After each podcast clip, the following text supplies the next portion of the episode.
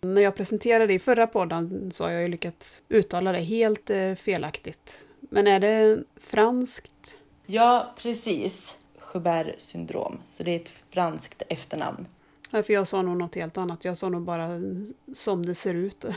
typ Ja, tror jag ja, jag sa. Ja, precis. Så gjorde jag med när vi kom till Akademiska och man såg på hon neurologen att hon nästan inte kunde hålla sig för skratt.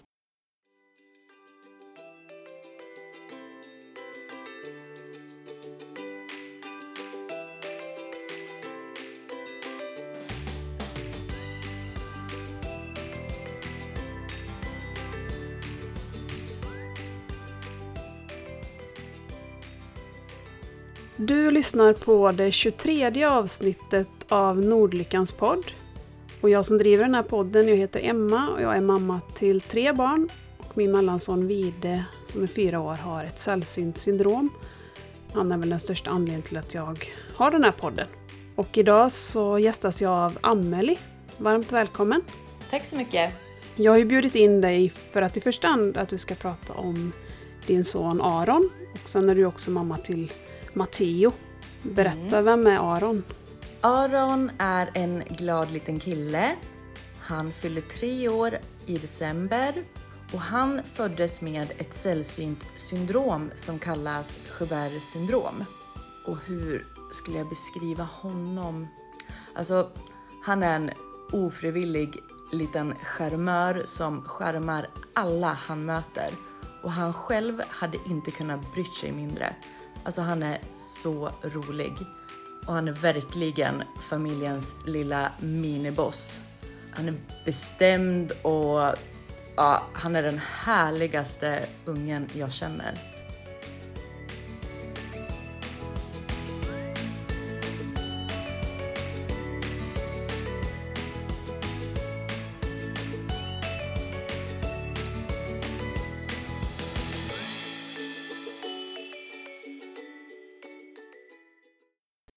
Startade eran funkisresa?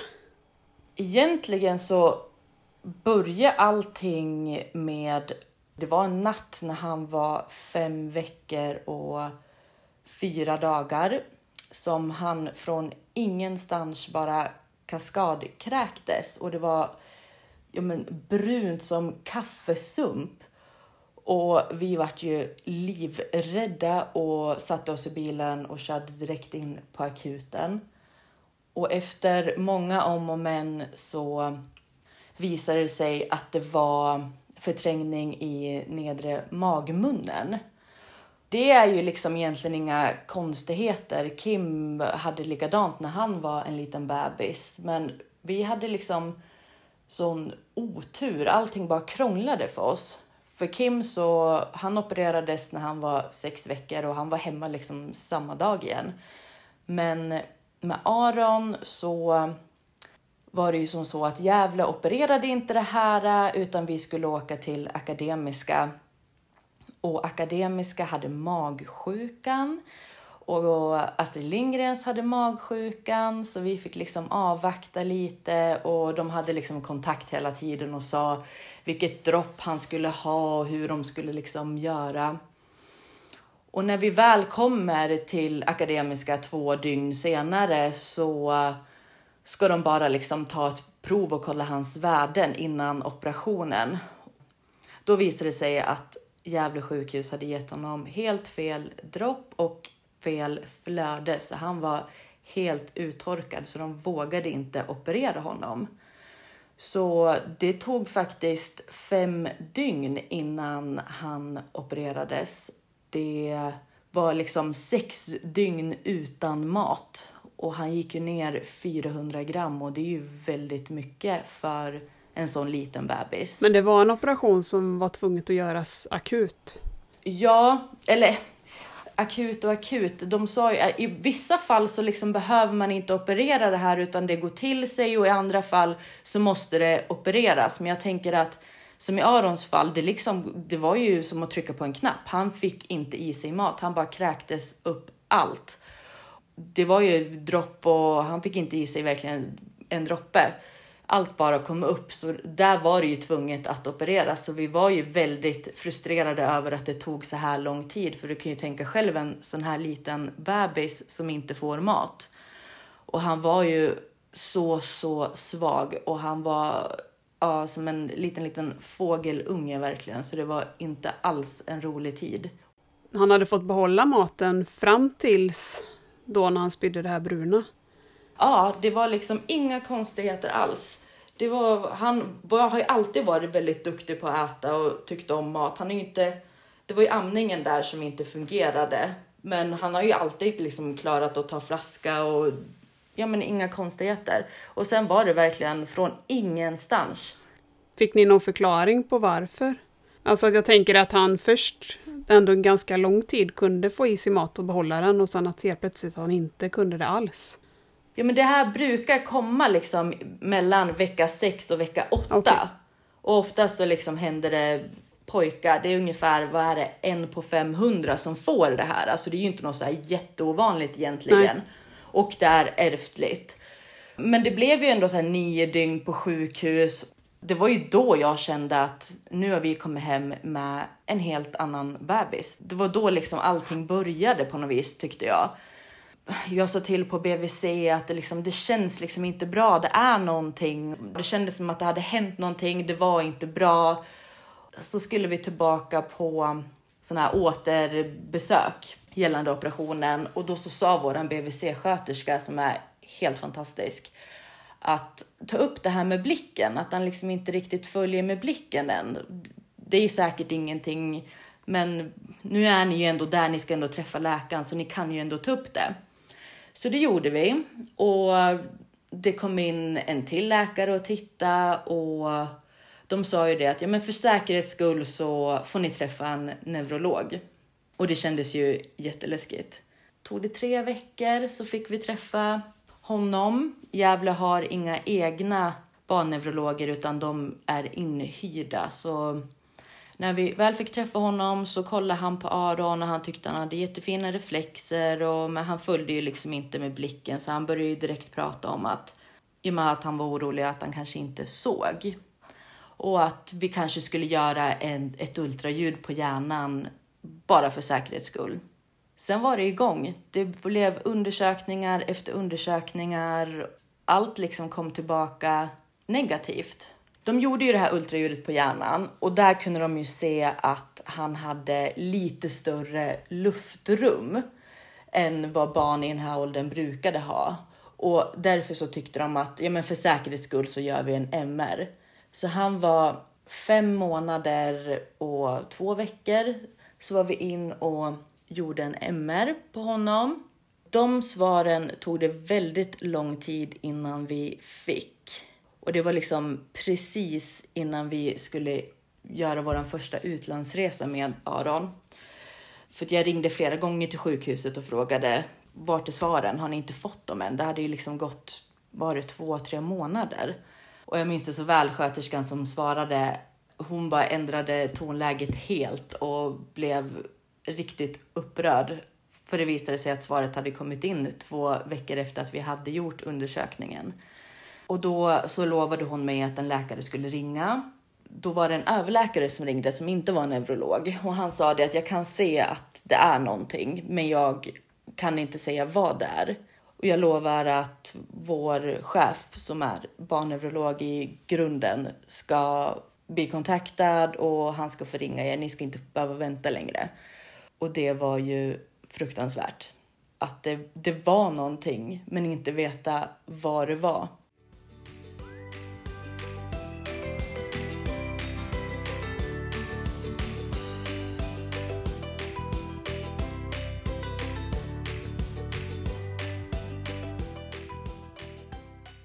Dagen efter så ringde han och frågade oss ifall vi ville komma in och träffa honom. Han ringde klockan 11. Vi fick komma in vid tre tiden.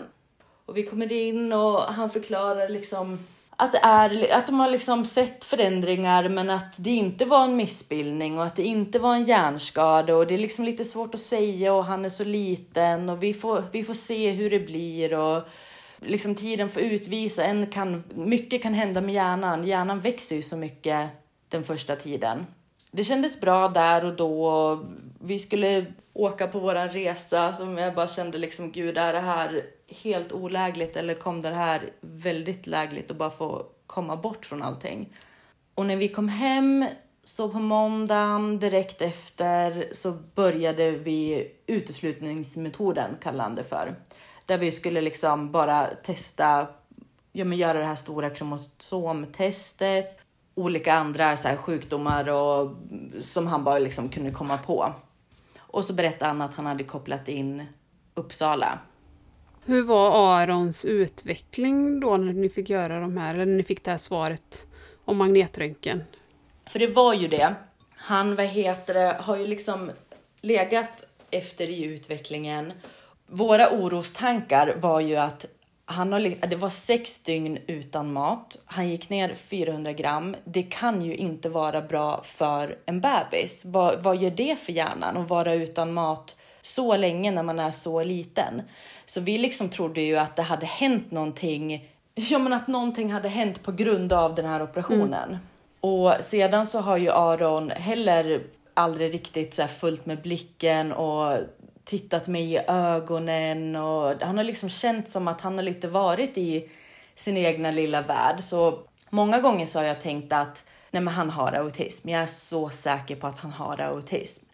Andra stunder så bara liksom sköt jag bort de tankarna och tänkte nej men han är bara sen i sin utveckling. Det, han kommer komma ifatt, det är ingen fara, han är bara lite sen. Så man pendlar ju mycket liksom däremellan. Är det någonting är det inte någonting, är han bara sen. Men hade du tankar på autism redan då när han var så liten? Ja, det hade jag. För ja, men som jag säger, efter den här operationen och när vi kom hem där, det var ju där det började, att jag började liksom tänka att men gud, han, han följer inte med blicken, han tittar inte på mig. Han kan liksom, han kunde ligga och kolla in i soffan och le och prata och liksom, ja men verkligen vara som i sin egna lilla bubbla. Innan det här så sov ju han så himla mycket. Han var ju så himla nöjd och bara tillfreds och tyckte om att liksom ligga lite själv och verkligen en jättenöjd bebis. Och han är ju också mitt första barn, så jag har ju ingenting att jämföra med. Så jag tänkte ju liksom att det är väl inget konstigt, bebisar sover. Men nu när vi har en lillebror så märker jag ju en enorm skillnad. Men som när vi gjorde den här äh, MR, då hade han fortfarande inte lyft huvudet i magläge. Och det där var ju någonting som, herregud vad jag stressade över det. Jag vet inte hur många timmar den här lilla killen fick ligga och träna på magläge. Men sen när han var sex månader och två veckor tror jag, då lyfte han upp huvudet riktigt så här snyggt och prydligt för första gången och som jag grät.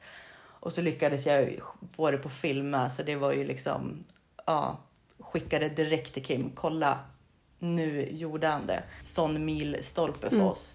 När vi fick det här beskedet att, att det var faktiskt någonting. Det var blandade känslor att få det beskedet, för på något vis så tänkte man ju liksom att gud, är det vi som gör fel? Är det vi som liksom, vad är det som händer? Varför, varför är han inte som andra bebisar? Och då att få ett besked att nej, men det är faktiskt någonting. Ni kan liksom stress, tagga ner, lugna ner er lite. Det var ändå skönt. Och sen så fortsatte ju liksom de här läkarbesökerna. Sen ringde han mig och berättade att Uppsala hade misstankar och så sa han att vi kan väl ta det när vi ska ses på våran inbokade tid. Och ja, du vet ju själv hur det är med alla de här läkarbesöken. Så jag tänkte bara, ja, jag frågade ju självklart, är det någonting allvarligt? Är det någonting som kan, ska opereras eller medicineras? Vad, vad är det frågan om? Och han sa, nej men det här är, det är ingenting, det här är en förklaring på varför Aron har en egen tidtabell. Så då bestämde vi att nej men då ses vi på den här tiden som vi hade inbokad. Mm. Då jobbade Kim natt, så min mamma följde med mig. Och han började att liksom säga att han, han trodde inte på att det var det här och han ville verkligen försäkra oss om att det här är liksom, det är som att ta en nål från en höstack. Ja, han menar på att det var en gissning. Ja, han sa det att det här var ett sällsynt syndrom som man aldrig tidigare hade hört talas om. Där lillhjärnan ofta är formad till en höntand och akademiska tyckte sig se en liksom, liten förändring där på lillhjärnan så de misstänkte det här. Men med det här syndromet så var det ju några typiska symptom. Och Aron hade ju liksom inte haft något sånt och han liksom poängterade flera gånger att han inte trodde på det här och han ville inte att vi skulle hem och googla och han ville inte att vi skulle oroa oss. Så han sa det, Aron är liksom, han utvecklas hela tiden och de typiska symptomen var ju så här andningsstörningar och det hade ju liksom inte Aron. Man föds ofta med extra fingrar och tår och det hade han ju inte heller gjort. Men till slut så frågade min mamma att ja, men vad heter syndromet? Och då var det första gången jag fick höra Joubert syndrom.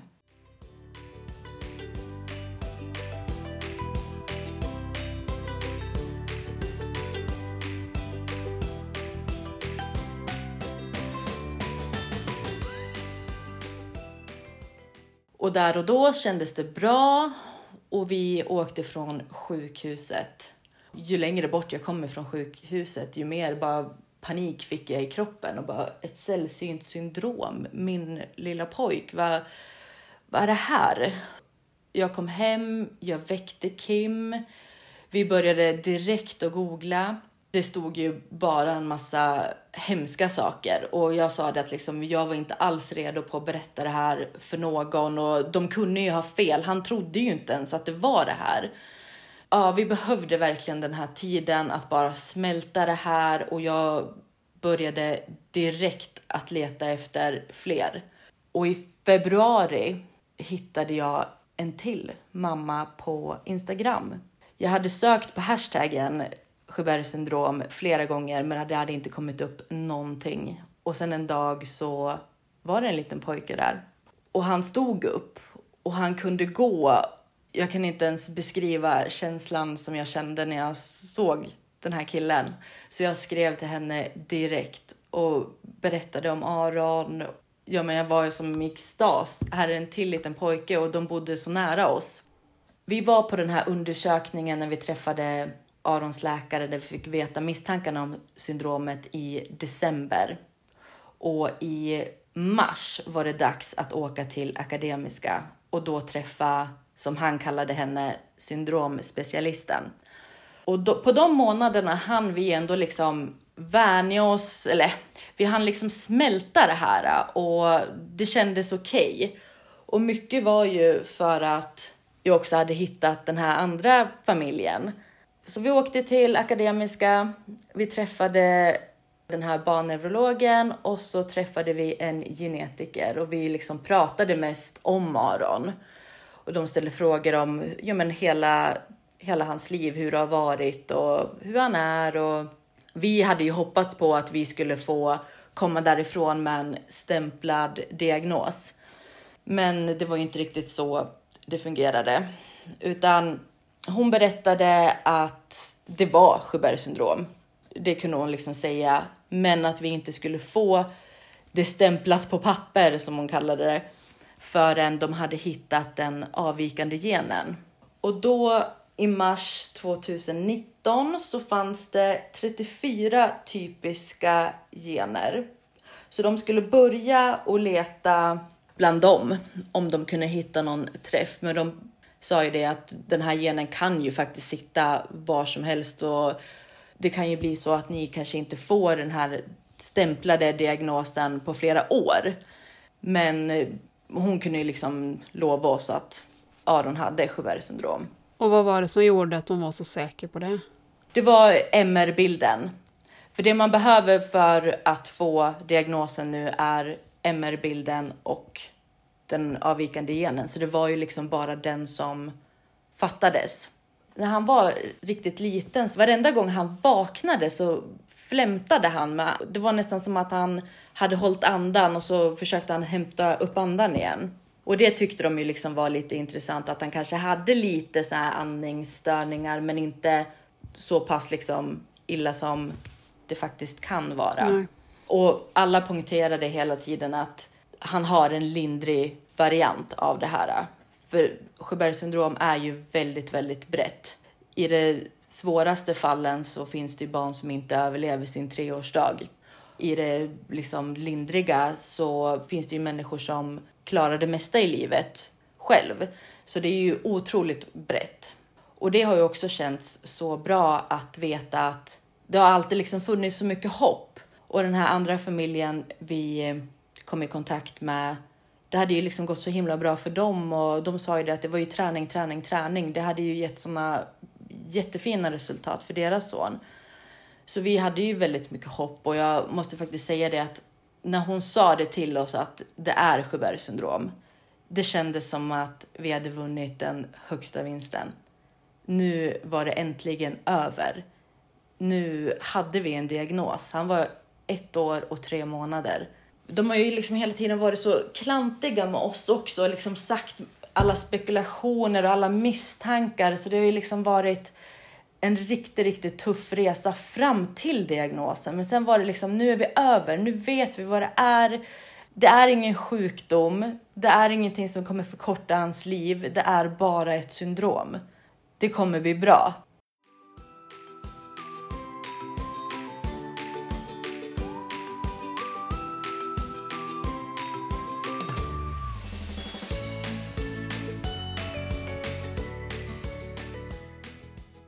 Vi åkte hem ifrån Uppsala, var jätteglada över att få kändes som att nu var det över. Nu började liksom livet, nu visste vi. Jag räknade ju liksom med att nu har ju han Sjöbergs syndrom och det är bara en tidsfråga tills de hittar den här genen. Jag liksom hade det ändå på känn. Så jag åkte hem, startade upp en Facebookgrupp och försökte liksom hitta fler familjer. Jag eh, hörde av mig till Ågrenska och frågade om en sån här familjevistelse. Var så taggad. Jag ville bara hitta fler. Jag ville lära mig mer. Det är med sällsynta syndrom. Man, det är ju liksom ingen som vet någonting. Man, alla frågor man ställer så man får ju alltid som svar, ja, jag vet inte, vi får se och nej, men det här är ju bra. Jag ville bara veta ännu mer.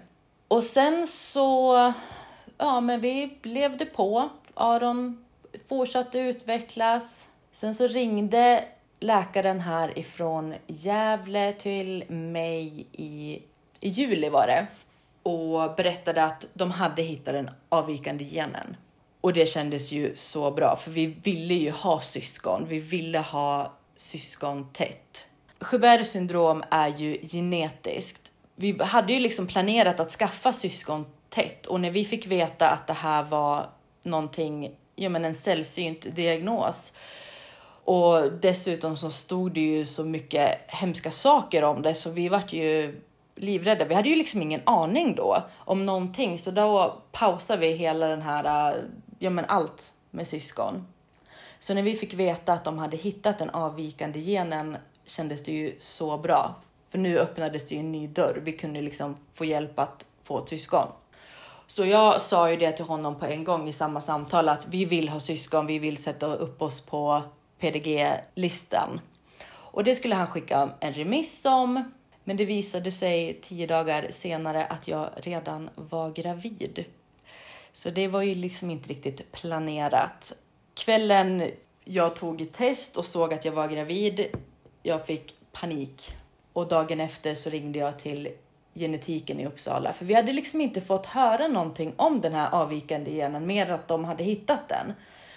Så jag ringde och sa det att hej, jag vet att vår genetiker är på semester, men nu är det som så att jag har blivit gravid och vi har hittat den avvikande genen, men jag liksom vet inte vad den innebär.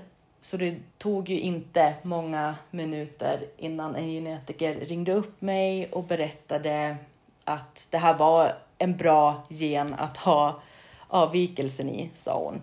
Hon berättade att det här är en lindrig variant av Sjöberg och att Aron heller inte har alla symptom man kan ha med den här avvikande genen. Så det kändes ju jätte, jättebra. Då visste vi ju liksom att hur det än blir så kommer det inte bli på värsta viset. Men ni hade ändå fått veta, det kanske du sa innan, men att det var ärftligt syndromet? Ja, alltså vi fick ju direkt veta att det var ett genetiskt syndrom. Okej. Mm. Och att det krävdes att både jag och Kim hade en avvikande gen för att få ett barn med det här syndromet. Eftersom vi hade fått den avvikande genen så kunde man ju göra såna här moderkaksprov. Vilket vi bestämde oss för att göra bara för att liksom ställa oss in. Hur kommer det bli? Så allting liksom drog igång väldigt tidigt. Vi fick göra ett ultraljud i vecka 6 tror jag för att kolla så att jag verkligen var gravid. Och sen så gjorde jag det här provet i vecka 12. Och en vecka senare fick vi veta att det skulle bli en liten lillebror och att han inte skulle få, eller att han inte skulle ha Sjöbergs syndrom. Så det kändes ju jättebra att veta att liksom man kunde fortsätta lägga all den här extra tiden på Aron och veta att man skulle få ja, men ett syskon. Det skulle bli tätt mellan dem och en lillebror som ändå så här skulle klara sig själv. Nej, men man behöver ju liksom inte träna ett typiskt barn på samma vis som man behöver liksom stötta och träna ett barn med ett syndrom. Så det kändes faktiskt jättebra att det blev som det blev.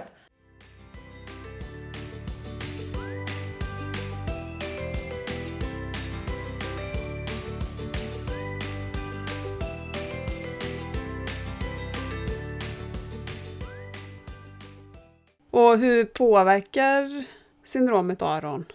Han har ju låg muskeltonus och han är ju liksom väldigt mjuk i kroppen. Det är ju liksom ingen som kan klå honom i yoga. Det har ju hänt jättemycket där. Han är ju ändå liksom, han är ju på så god väg att kunna stå själv. Han behöver så lite, lite stöttning. Vi, vi bara håller lite löst i hans ben så står ju han upp. Och visst tränar ni väldigt mycket med honom? Jo, men det gör vi. vi. Och allting är ju liksom på lek eller med motivation av skärmar. Alltså han älskar ju skärmar. Och sen så har ju han liksom problem med balansen, men det har ju blivit så, så mycket bättre. Han var ju så rädd av bara känslan av att han trodde att han skulle tappa balansen så han blev ju jätte, jätteledsen till att nu kan han ju verkligen ha kontroll. Man kan ju till och med putta lite på honom och han, han har fått sån fin balans. Aron har ju heller inte börjat prata ännu. Han eh, tuggar inte maten. Så det, liksom, det påverkar ju han en hel del i vardagen. Vi får ju hjälpa honom med det mesta. Och hur kommunicerar ni? Han är ju så tydlig. Alla som träffar Aron säger ju det att man, alltså han är så tydlig med sitt kroppsspråk. Vad han vill, vad han inte vill. Och det går ju liksom inte att få honom att göra någonting han inte vill göra. Nej. Han är så otroligt envis Det, kän, det och känns igen bestämd. härifrån. Ja, ja, men verkligen. Så han är liksom, ja, han har en stor personlighet. Han, han saknar ju det här drivet och det är det liksom vi jobbar nästan mest på. Det är ju helt klart skärmar som är liksom hans grej. Han älskar ju böcker också och så. Det har vi också kunnat börja locka honom med nu när vi tränar hans gång. Tidigare var det ju bara liksom skärmar och så här trycka hända appar som man kunde locka honom med när han var i liksom gåstolen eller försökte gå med rullatorn. Men nu går det faktiskt till och med med böcker att så här vända blad. Så det känns ju riktigt bra att man har hittat någonting mer. För helst vill man ju att de ska hitta glädjen i att röra sig, att det i sig är en motivator. Men Vida har ju varit likadan, att det har varit väldigt svårt att få honom att komma dit, att han tycker att det är roligt att gå eller vad det nu kan vara som man vill träna på. Ja men precis, för han, alltså Aron är ju så himla nöjd. Han är ju liksom som en liten tjuren Ferdinand. Han är ju, det är ju svårt att liksom få honom att vilja ja, men ta sig framåt och men sen så är han ju också så fantastisk för det är liksom hans alla framsteg. Det är ju verkligen från helt plötsligt så bara gör han det felfritt som att han aldrig har liksom gjort något annat. Och det är det som är så himla kul att se. Jag kommer ihåg när han tog tag i gaffeln och bara stoppade den i munnen. Det var verkligen från ingenstans och helt felfritt. Bara pricka in direkt, spiller ingenting och det är liksom att få följa hans resa och han är helt fantastisk. Tycker du att det blir att man jämför, eller att ni jämför honom med de barnen som ni känner som har samma syndrom? Ja, det gör man ju. Man ska ju aldrig jämföra, så är det ju. Och med det här syndromet så är det ju också så. Det är ju så olika brett och, och allt hänger ju liksom på vilken, ja men, i vilken gen avvikelsen, avvikelsen sitter. Men samtidigt så kan jag tycka att det känns som att det är någonting mer med Aron. Jag har ju fortfarande inte släppt de här tankarna med att han har autism. För de andra barnen tycker jag ju har kommit längre med gången och ja, men med, ja, men de har kommit längre i utvecklingen. Och jag tycker ju att Aron är lite liksom så här i sin egna bubbla. Han har ju perioder som är sämre och han har ju perioder som är bättre. Vi hade ju var det förra sommaren, det var en riktigt jobbig period. Då lyssnade han inte ens till sitt namn. Och det var då han började ljuda. Det var liksom verkligen svårt att få kontakt med honom. Och sen har han liksom perioder där det är lätt att få kontakt med honom och man kan liksom jo men, leka på ett helt annat sätt. Han är mer öppen, han, ja men så. Så det är liksom, jag märker ju också att det pendlar, att han har bra och dåliga perioder. Men jag, med syndromet så finns det ju autistiska drag. Men jag tror ju att det är mer än bara drag, så jag skulle ju jättegärna vilja påbörja en autismutredning på honom. Nu har jag ju inte träffat Aron och det går ju inte att säga utifrån Instagram, men jag har ju sagt så många gånger att han är väldigt lik Vide. Så utifrån det så tänker jag att du kanske har rätt i din misstanke. Ja, men precis. Och sen så som du säger, man jämför ju ändå lite med de andra barnen och då liksom de har ju alltid varit med. De har ju alltid liksom varit drivna. De har ju alltid liksom velat ta sig framåt. Medan Aron har ju mer varit i sin egna lilla värld och liksom varit nöjd och glad. Så han är ju så himla, himla, himla glad. För jag kan tycka att det känns lite Alltså jag har ju aldrig jämfört Vide med typiska barn, men jag jämför ju också honom med de barnen som har samma syndrom. Att ibland kan jag tänka att det varit bättre att vi inte hade vetat om deras utveckling. För att nästan alla barn med det syndromet Vide har, har ju större förmågor än vad Vide har. På alla sätt egentligen, både motoriskt och intellektuellt. Jag tyckte ändå att det var skönt att få den här diagnosen och sen när jag fick den här bekräftelsen att träning gav sådana resultat. Vi blev ju så motiverade till att, till att träna med Aron, hitta på saker med Aron och för mig har det alltid liksom varit så mycket hopp. Nej, jag skulle ju aldrig velat vara utan att vi fick ett besked för det gör ju all skillnad i världen. Men eh, ja. samtidigt så vet jag inte om jag hade velat veta så mycket om de här andra barnen. Nu har vi inte vi någon i Sverige som har det här syndromet. Så det blir ju lite annorlunda Nej. för oss att man pratar på nätet. Och de barnen är ju också äldre som vi har kontakt med. Men de går, vet, de går i vanlig klass och de pratar och de spelar fotboll och ja. De gör väldigt mycket saker mm. som vi kanske inte tror att vi det kommer göra. Men de har inte autism också? Jo, det finns eh, några barn som har autism. Men de, är ändå, mm. de har ju ändå ett verbalt språk. Och har inte så mycket mm. motoriska mm. svårigheter som Vide har heller. Men vet du hur det var för dem i Vides ålder? Ja, men de här aggressionsutbrotten som Vide har, de har en del av de barnen haft också.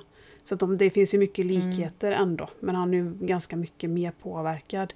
Men sen finns det ett föräldrapar i, inte föräldrapar, ett syskonpar i Kanada. Där stora syster har, ja men hon har en lindrig utvecklingsstörning och där lillebror har, är ungefär som Vide. Alltså han är som ett litet barn fast att han är tio. Han kanske är som en ett eller tvååring så. Så jag tänker att han är ungefär så som Vide Så det är inte så att alla barn, men det är de barnen kanske jag tänker på. De här som man har sett som pratar och dansar och... Ja men precis. Alltså det är ju svårt det där. Jag, vi ska ju få en eh, vecka på Ågrenska. Oh, så roligt. I slutet av maj. Ja, jag ser så mycket fram emot det. Och där känner jag liksom att vi får se vad jag tycker och tänker efter den veckan. För jag, jag ser så mycket fram emot att få träffa alla de här andra barnen och föräldrarna. Och få se liksom hur funkar det för er? Vart ligger ni i utvecklingen? Hur var det? Alltså allt där. Och de är ju faktiskt eh, tre pojkar som är födda 2017. Så det ska ju bli extra roligt att träffa dem som är liksom födda samma år.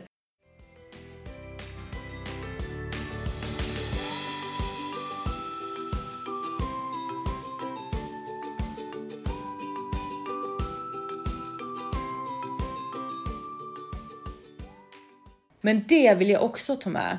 Det har jag till och med glömt bort, det här med sociala mediers kraft. För när vi kom hem från Akademiska där med liksom beskedet att Aron hade Joubert syndrom så valde vi att vara öppna med det direkt från start. Och när jag la ut ett eh, inlägg på Instagram om det så var det direkt en av mina följare som skrev till mig om att hon var moster till en kille som hade Schubert. Och bara det var ju så fantastiskt. Här fick jag liksom höra att det här är ett sånt sällsynt syndrom. Det är liksom en på hundratusen nyfödda med allt vad det innebär. Att det inte finns så jättemånga och, och nu på den här Facebook-sidan som jag startade, där är det ju 13 familjer nu. Och den yngsta har precis fyllt ett och jag tror att den äldsta är 26. Så det är ju helt fantastiskt. För visst har du gjort en hel del jobb med det för att försöka hitta alla familjer så att ni kunde få en familjevecka på Ågrenska? Ja, för det var ju just det att när jag, jag mejlade Ågrenska och de ringde mig samma dag och berättade om deras tidiga, tidigare veckor och så sa de ju det att man skulle ju helst ha fått ihop 12 familjer och då börjar de liksom snickra ihop en vecka. Och så sa hon ju det att nej men kanske tar ett par år men ni kommer få ihop en vecka, det är jag helt övertygad om. Så jag liksom trodde ju inte alls att det skulle gå så här fort. Men har de sagt till er hur många familjer som måste anmäla sig för att veckan ska bli av? Ja, hon sa då att det skulle vara 12 familjer som skulle ha gjort en intresseanmälan. För jag tänker just den själva anmälan, för vi är ju i samma sits nu att eh, de ska ha en CDG-vecka i mars. Det var ju till och med du som skickade och sa att har du sett? Och det hade ju inte jag sett då. För att vi har också skickat, eh, alla vi som är med i föreningen, talat om liksom att vi finns. Men jag funderar på hur många av oss som faktiskt måste anmäla oss till veckan för att det ska bli av. Det har de inte sagt eller? Jag har hört om familjer som har varit på veckor och det har varit åtta familjer. Ja. Så jag, jag, är, jag vet inte, men jag vet om att de har haft en vecka med bara åtta familjer, så jag hoppas att det blir av. Och då när de ringde mig och berättade att nu börjar vi snickra ihop en vecka till er, då hade 13 familjer hört av sig om att de var intresserade och då var vi bara nio familjer på, på Facebook-sidan. Så det är ju några familjer utanför som inte jag har fått kontakt med, så det är ju också spännande att se. Ja, för det, så har det varit för oss också, att man har råkat snubbla på någon familj på någon hashtag och så skrivit att ni måste ju gå med i föreningen eftersom det var ju ändå Mm. lyxigt. Även om inte just det syndromet vi har, det finns ju ingen i Sverige som har samma, men det finns ju ganska många barn som har andra typer av CDG. Så det var ju otroligt lyxigt att det redan fanns en förening och bara kunna kliva in i utan att behöva göra någonting själv. Ja men verkligen. Vi har ingen förening. Men de vill ju att vi startar upp en under våran vecka har de sagt och det ska vi ju självklart göra. Men sen det här med att vara så unik måste jag ju också säga att det finns faktiskt en till pojke född 2017 som Aron som har avvikelsen i exakt samma gen. Hur fantastiskt är inte det? Här i Sverige och de är födda samma år och samma avvikande gen. Ja, det är helt otroligt. Ja men verkligen. Men har ni träffat eh, någon familj? Du sa att de, det var några som bodde nära er. Har ni träffat dem live också? Ja, vi bor ju i Gävle och den här familj, den första familjen som jag kom i kontakt med, de bor i Stockholm.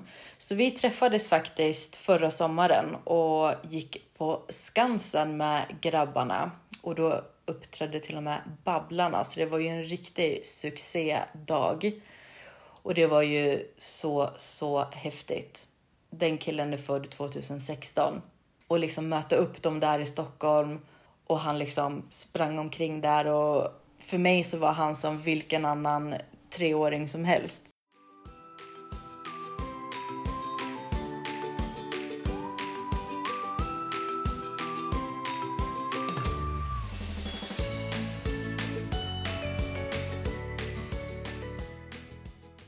Hur skulle du säga att eh, er relation, din och din mans relation, har påverkats av den här funkisresan? Nej, men jag, alltså jag tycker faktiskt att vi gör det bra. Som jag säger, det har ju varit jättemycket känslor. Alltså vi har ju mått jätte, jättedåligt. När man liksom inte har vetat om man har bara blivit kastad mellan olika sjukdomar och spekulationer och det kan vara det och det kanske är det och det har ju liksom varit jättejobbigt. Men vi har alltid varit duktiga på att prata med varandra och vi har alltid liksom varit duktiga på att stötta varandra och vi är ett otroligt bra team. Och sen så har vi liksom aldrig heller känt någon sorg. Vi har varit så otroligt oroliga. Men sen när vi fick veta liksom diagnosen och fick den, så som jag sa, det, alltså det var som att vinna den högsta vinsten. Vi har ju liksom aldrig känt någon sorg så. Det går bra och det är bra. Och syskonrelationen, hur är den mellan brorsorna? Ja, Matteo tycker ju jättemycket om Aron. Alltså han tittar på honom och han vill ha hans uppmärksamhet och man liksom ser på honom redan nu hur mycket han beundrar sin storebror. Och Aron, där är det ju liksom när det passar honom. Det, han kan ignorera honom så hårt och sen så när han vill så får lillebror både pussar och kramar och det ska bli kul att se för nu har ju Matteo liksom, han är sju månader nu och nu har ju han, han sitter ju, han leker ju med leksaker och så Aron har ju liksom börjat intressera sig mer för honom nu och titta liksom vad han gör och, och så. Så det ska bli väldigt roligt att få följa de här två. Hur långt blev det emellan dem? Aron var två år och två månader när Matteo kom. För det är ju, mellan våra två små är det 20 månader så det är ju ganska likt. Alltså relationen mm. kommer ju bli ungefär densamma just med åldersskillnaden. Ja, och man har ju liksom hört från så många att ja, men just att få syskon och ha syskon, att det har liksom hjälpt så himla mycket med utvecklingen och med det här drivet och så för mig har det ju, jag har alltid velat haft syskon. När jag liksom fick höra om, eller när vi fick veta att det är någonting, då var det ju liksom ännu viktigare för mig att Aron skulle få ett syskon.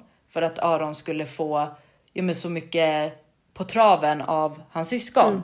Mm. Så sa ju alla till oss också när vi, för det var ju inte riktigt planerat heller att vi skulle få en lilla syster. Att ja, men det kommer vara bra för Vide. Men jag ångrar ju såklart aldrig Tuva och de har ju, kommer ju få en jättefin relation men just utvecklingsmässigt så vet jag inte mycket det har hjälpt Vide eftersom han saknar förmågan att imitera som är en del av autismen. Så mm. får han ju inte något, någon extra skjuts av att han har ett syskon som är nära i ålder egentligen utan det blir ju tvärtom att han hon tar ju mycket tid så att vi inte har riktigt lika mycket tid att lägga på honom. Ja, jag tänker ju också så mycket på sen när inte jag finns längre. Jag tycker att det är så otro... Alltså jag hade helst väl haft ett till barn så att de vore tre. För jag tänker ju och hoppas att Matteo med glädje velat se till så att Aron har det bra. Nu vet vi ju inte om Aron hur det kommer bli när Aron blir vuxen. Han kanske inte alls behöver mycket stöd och hjälp. Det får vi ju liksom se. Men jag vill ha den där försäkringen om att den dagen jag inte finns, att det finns någon annan som kommer hålla ett öga och se till att Aron alltid har det bra. Mm. Men jag är nog aldrig där framme i tankarna på det sättet. Nej. Jag oroar mig faktiskt inte så himla mycket för om hur livet ser ut om tio år eller om hur det är så, utan jag har sån ångest över om hur livet eller hur det kommer vara när jag inte finns längre. För så länge jag finns så vet jag att Aron kommer ha det bra. Och det är liksom det, ja, det är min grej som jag måste eh, jobba på. Det är liksom mina jobbiga tankar. Ingenting får hända mig. Nej, och just nu har det också kommit ut en del eh, dokumentärer om vuxna med autism som har blivit väldigt illa behandlade på boenden. Och där vill man ju inte att våra pojkar ska hamna, att de blir utsatta för saker och inte kan skydda sig. Nej men verkligen, verkligen. Och det, ja jag vet inte. Jag, tanken på om det skulle bli så för Aron att han skulle bo på ett boende. Alltså det, nej, jag tycker att det är jobbigt. Mm. Det är känsligt liksom jag vill finnas, jag vill ha kontroll, jag vill liksom se till så att Aron alltid har det bra och när man liksom inte har den där kontrollen, det, nej, de tankarna skrämmer mig. Så för mig så har det ju varit extra viktigt att ge Arons syskon av den anledningen. Mm.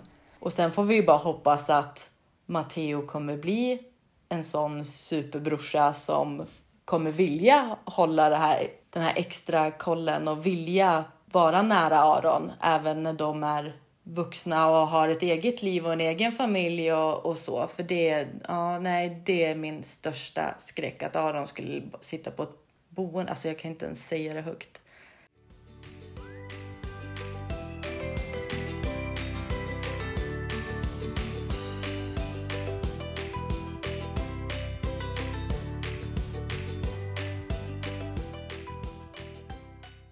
För jag tänker att ju mer man visar, ju mer man ser olikheter, ju mindre konstigt blir det. Och det är därför vi har valt att liksom ändå bjussa på så mycket ifrån vårt liv på min Instagram. Och om man vill följa dig på Instagram, vad heter du där?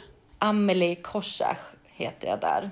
Men jag kan tänka att man kanske kan hitta mig via dig eftersom mitt efternamn är lite krångligt. Ja, och det här syndromet, det har jag ju lyckats, eh, när jag presenterade det i förra podden så har jag ju lyckats eh, uttala det helt eh, felaktigt. Men är det franskt? Ja, precis. Det är franskt. Det är en Marie Joubert som hon bodde i Kanada som man har, vad kallar man det? Men gud, vad säger man? Säger man forskare eller säger, vad säger man? Upptäckt kanske? Ja men precis, det är hon som har liksom upptäckt det här syndromet så då blev det ju döpt efter henne. Så Joubert syndrom, så det är ett franskt efternamn. Ja, för jag sa nog något helt annat, jag sa nog bara som det ser ut. typ ja, tror jag ja, jag sa. Ja precis, så gjorde jag med när vi kom till Akademiska och man såg på hon neurologen att hon nästan inte kunde hålla sig för skratt. Sen så har jag bara härmat det hon säger så jag vet inte riktigt hur man uttalar det men jag säger Joubert. För jag tror att jag ändå har hört det nu, alltså uttalet, men jag har nog trott att det, det vågar jag knappt säga, men att det är ett Sjöberg liksom. Att det är Sjöbergs liksom. För jag har hört det innan, men jag har inte kopplat ihop det med Arons syndrom alls. Nej, nej. Men så kan det vara med fransk. språk. Men jag tänker att vi måste prata lite hjälpmedel också för det är alltid roligt. För Aron har ju ja. den här walken ni har, den är ju så cool. Jo men det är den. När vi fick den så började vi köra stenhårt med den. Vi hade ju redan fått rullatorn då. Vi var ju alla så förvånade för han tog ju steg första gången han testade den. Det var ju så mycket protester, men han gjorde det. Så vi nötte ju på med rullatorn och han liksom var ju, blev ju bara duktigare och duktigare och starkare och starkare och så fick vi ju den här äh, NF-walken och då började vi liksom köra stenhårt med den. Så när vi skulle testa rullatorn igen så ville han inte alls. Så där kände vi att det här vart inte alls något bra. Kan du beskriva den NF Walker? Den är ju väldigt speciell. Ja, precis. Alltså den är ju gjord så att man får ett korrekt gångmönster för han sitter ju fast. Det är ju som sandaler på den, så han sitter ju liksom fast i fötterna och så är det på smalbenen och så är det väl midjan och under bröstet. Så då när han går så blir det lite så här mekaniskt. Jag tänker nästan lite på Sällskapsresan, den där den ofrivillige golfaren när han står och svingar fast i en maskin. Ja, alltså det är lite ja, liknande princip. ja men precis, för det blir ju liksom så här mekan alltså så det blir ju ett korrekt gångmönster. Och när han går med rullatorn så han liksom går ju i, lite i kors med benen och så så att tanken är ju att vi ska liksom köra lite varannan gång så han får ett liksom fin eller ett bättre gående. Så de två hjälpmedlen har han här hemma och vi ska faktiskt få ett ståskal nu. För nu så sa de ju det att Aron bör ju stå i en och en halv timme om dagen och det gör han faktiskt inte och nu med en lillebror så är det svårt att få till det varje dag. Så då så sa de det att men han kan få ett sånt här ståskal så kan han ändå liksom stå och jag inte behöver ha händerna på honom. Så det känns faktiskt bra. För han kan stå, men det är risk att han ramlar. han kan stå och mot möbler, men vi liksom är ju där och passar. Och när han står mot möbler så liksom kan han ju hänga lite och sånt där, så då blir det ju inte heller att han riktigt belastar. Så det blir bra med ståskalet nu en period här, så det, det tror jag på. Men det är de hjälpmedlen vi har hemma än så länge. Och på förskolan har han ju en innergåstol, en utegåstol och en arbetsstol. Okej, så där har han inte rullator utan där har han gåstol istället? Ja, precis. Det har han. Så rullatorn är ju liksom någonting vi tränar med här, för där är det ju också för att vi måste ju gå efter och passa och liksom vara beredda utifall att han bara släpper eller bara lutar sig fram eller så. Så man lär ju liksom alltid vara med och passa där. Mm. Och, men nu är det ju liksom där att Aron börjar ju bli stor. Han är ju snart tre år och vi börjar ju liksom känna att nu kommer vi upp till nästa nivå. Han väger 16 kilo, han är ju liksom lång. Vi ska ha ett hembesök nu i veckan där vi ska gå igenom lite nya hjälpmedel just för våran skull också, för nu börjar det verkligen att kännas i min rygg kan jag säga. Jag minns inte sist jag inte hade ont i ryggen. Och vad är det för hjälpmedel då ni tänker att ni skulle ha nytta av? Ja, men först så kan jag känna att jag gjorde ju bort mig lite när vi bytte ut hans säng från spjälsängen till en sån här juniorsäng. För det är ju liksom, han ligger ju så lågt ner och den när man ska lyfta upp honom. vad gör alla andra som har barn som inte går hud? Vad har de för sängar? Det är liksom, och sen så har vi tänkt Men de har på... säkert såna här hjälpmedelssängar som är höj och sänkbara. Ja, och det vill man ju liksom inte heller ha hemma. Nej, det är det som är så svårt. Ja, man vill ha så lite sånt här som möjligt, men man vill ha det som hjälper utvecklingen framåt. Och nu börjar vi känna som sagt var att för våra kroppars skull att vi behöver annat. Så vi känner att vi skulle vilja ha en duschstol som är så här kombinerad toastol. Och sen, ja men just vi ska ta hit arbetsterapeuten och bara gå igenom en vardag och kolla liksom om hon har något tips och råd och kan komma med idéer. För man börjar ju liksom känna allt det här, ja men bara att sätta in i bilen. Det är ju sådana rörelser, alltså det är ju det är tungt. Hur gör ni? Vad har ni för hjälpmedel? Nej, ingenting, vi lyfter honom. Mm. Alltså min sambo är ju, jag är ju stark också men det är ju ändå fördel att vara man. Han kommer ju orka mm. lyfta honom längre tid. Jag vet inte, hur gör man med en sån här bilbarnstol? För att Vide sitter ju fortfarande i bakåtvänd men det är ju mm. typ runt fem kanske som man byter till framåtvänd och det han kan väl sitta i en sån vanlig stol om vi ska åka en kortare bit, men om man ska åka på semester så tror inte jag han orkar sitta så upprätt en lång tid.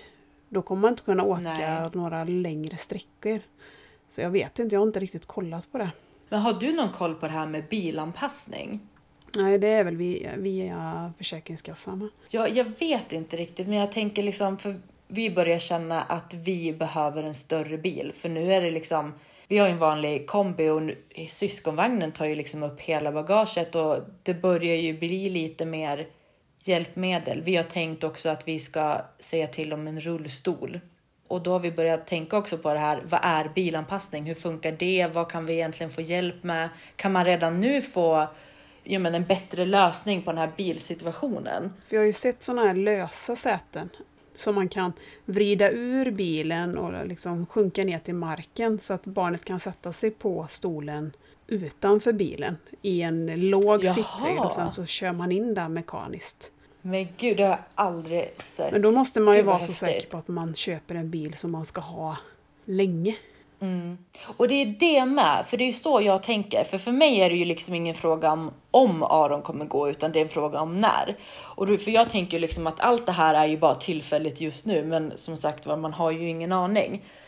För även om Vide kan gå så är han ju långt ifrån att kunna klättra i och ur bilen själv. Ja, och det är det jag börjar känna att jag vill undvika så många onödiga lyft som möjligt. Tidigare så var jag lite emot hjälpmedel och bara, nej men han ska lära sig och, och så. Han var ju också så liten så man behöver ju liksom inte så mycket då. Men nu så har jag ändrat mig. Ja, det är samma. Jag har ångrat. Eh, för vi blev erbjudna en sån här, kallar man det för arbetsstol? Och då tyckte jag att nej, men han behöver ingen arbetsstol utan vi har en vanlig IKEA-stol. Men nu hade jag mm. velat ha en arbetsstol. Men då får vi ingen för att han sitter för bra. Så att nu ångrar jag ju att jag inte tackade ja till den där stolen när vi fick erbjudandet mm. om den. Men hur sitter han nu? Alltså vid bordet sitter han ju i en vanlig, det är ju inte en tripptrapp men en liknande sån. Och varför vill du ha en arbetsstol? Jag hade velat ha en i vardagsrummet för vi, man äter kanske fredagsmys och sådär framför tvn och det går inte att ha han i soffan ätandes. Det är väl egentligen en lite av renlighetsskäl att han skulle kunna sitta med och äta i vardagsrummet och sitta i sin stol medan vi andra sitter i soffan. Vi har ju nu när vi håller på med det här med IBT så gör vi en del träningar där han sitter på stolen och så sitter vi framför honom och så ska han härma rörelser till exempel. Men då är han ju helt livsfarlig för han ställer ju sig upp och han har ju inte någon uppfattning om att han kan trilla ner. Då hade man ju velat ha Nej. en bygel och att han verkligen satt still. Så i vissa situationer känner jag att man har velat ha en bättre stol till honom. Men det, vi får ju ingen så att... Nej, för där, alltså, vi har ju en sån här tripptrappstol och vi har ju fortfarande en bygel. Men där börjar man ju känna att den här bygeln kommer ju vi behöva ta bort snart. Och då undrar man ju liksom, vad gör man då? För jag tänker ju, som du säger, att han kommer ju säkert kunna liksom ramla ner och det är det jag säger, nu blir det en ny nivå och man känner att man börjar få lite nya utmaningar. Hur man ska lösa olika situationer.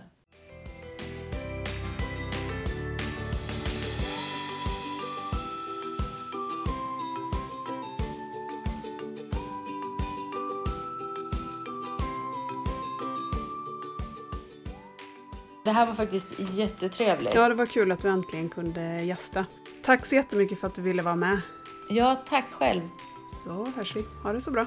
Mm, Detsamma. Hejdå. Hej då. Och nästa vecka är jag tillbaka tillsammans med Angelica. Och då ska vi prata om hur det gick med uppropet gällande krönikan i Expressen. Ta hand om er till dess. Puss och kram!